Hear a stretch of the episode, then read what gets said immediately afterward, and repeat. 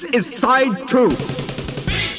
The B-side spot with Manfred Tomasa of Disdain. Good evening, everyone. Tonight we finish our latest special called Did your life sound like a melody when you were a member of Japan's jet set and wanted to be forever young? So, this is all about the exclusive single B-sides which are connected to Alphaville debut album Forever Young. We already presented three of them. Number 4 followed in February 1985. The title of the A-side, Jet Set.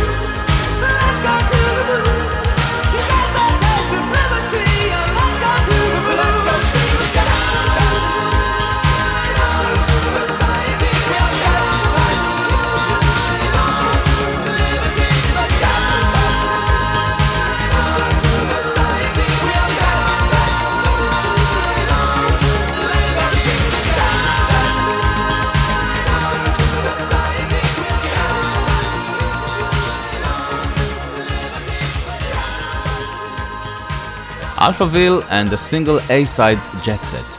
This release saw the band appearing with new lineup after Frank Mertens had left the group. Ricky Echolette joined Bernhard Lloyd and Marian Gold from then on. The B-side of Jet Set had already been composed by the new lineup. Later on, the song called Golden Feeling was chosen as the music to the movie Der Bulle und das Mädchen. Here it is. Thanks for listening and see you somewhere in time. Thank you very much, Manfred. Bye bye. Bye bye.